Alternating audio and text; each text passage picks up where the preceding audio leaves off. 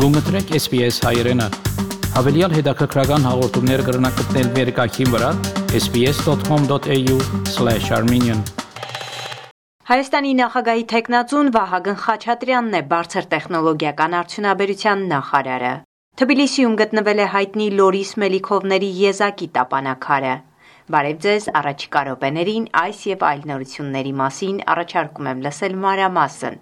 Հունվարի 28-ը հայոց բանակի կազմավորման օր։ 1991 թվականի դեկտեմբերի 5-ին Հայաստանի նախագահ Լևոն Տեր-Պետրոսյանի հրամանագրով պաշտպանության նախարար նշանակվեց Վազգեն Սարգսյանը։ Նա նորանկախ Հայաստանի առաջին պաշտպանության նախարարն էր առանց նախարարության։ 1992-ի հունվարի 28-ին կառավարությունը ընդունեց Հայաստանի Հանրապետության պաշտպանության նախարարության մասին որոշումը, ազդարարելով հայոց ազգային բանակի ստեղծումը։ Աշխարհիկ եւ հոգեվոր այրերը այդ օրը ավանդույթի համաձայն այցելել են Եռաբլուր, ամենայն հայոց կաթողիկոս Գարեգին II։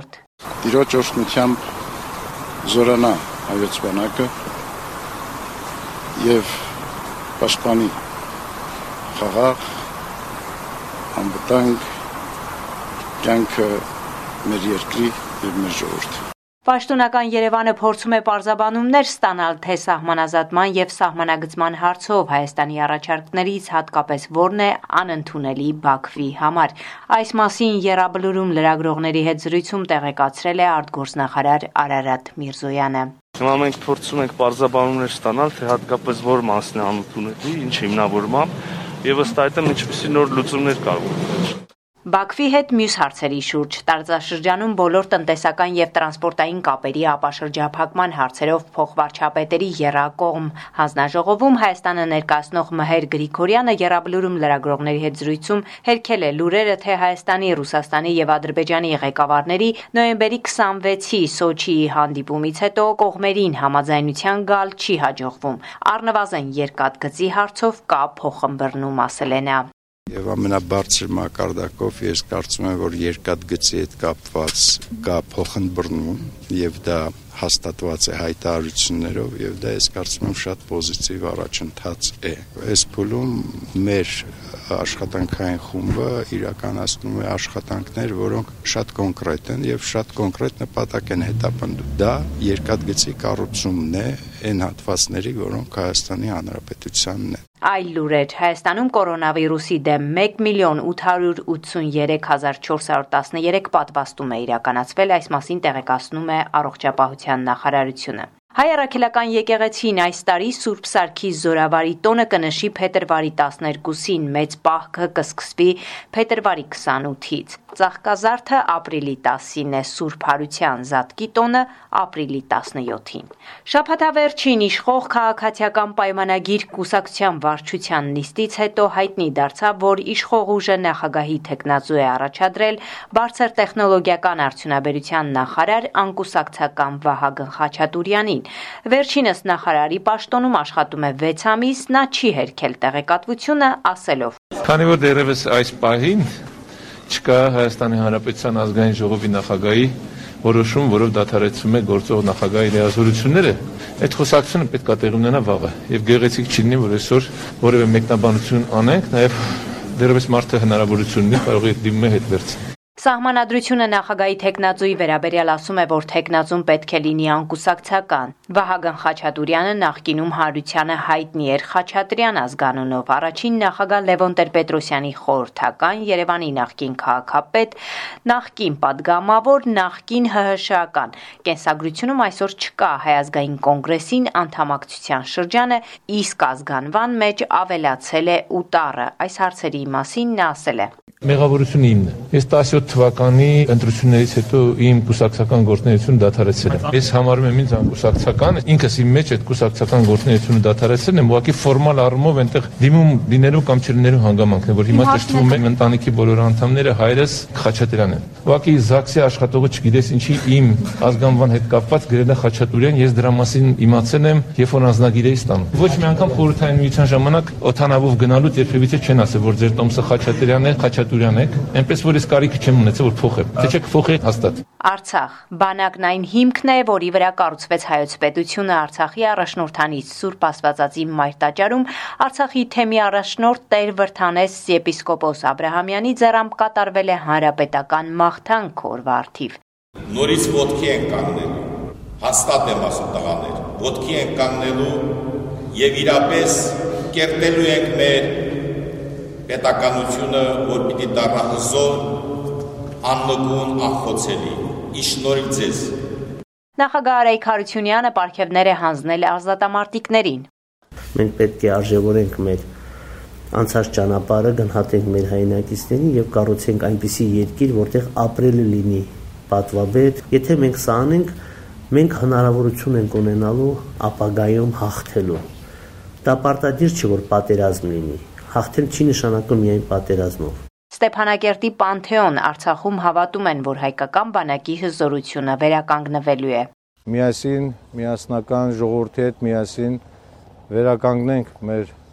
բանակի հզորությունը, համոզված եմ, որ դա մեզ հաջողվելու է, որովհետև մենք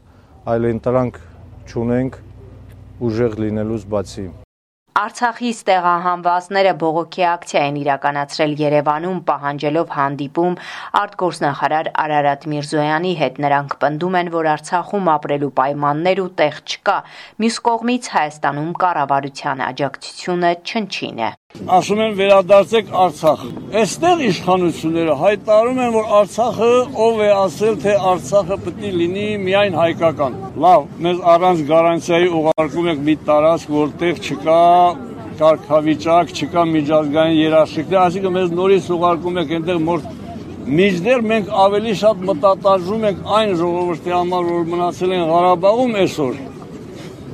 որը սարքել են մեր իշխանությունները գորշ զոնա եւ այդպես շարունակում են Սփյուռք, ինչ ընթացք է ստացել Հայաստան-Սփյուռք գործակցությունը եւ հարաբերությունները, որոնք են այսօր Սփյուռքին հուզող կարևոր խնդիրները։ Հանրային ռադիոյի հաղորդմամբ Կալիֆոռնիա Կուրիեր թերթի խմբագիր Հարութ Սասունյանի խոսքով յուրաքանչյուր հայ մեծ ցանկություն ունի Հայաստանի հետ կապերի ամրապնդման, դա Սփյուռքի գործունեության շարժառիթն է, սակայն այսօր կան մի շարք խնդիրներ այդ կապի ամրապնդման համար, ասել է Սասունյանը։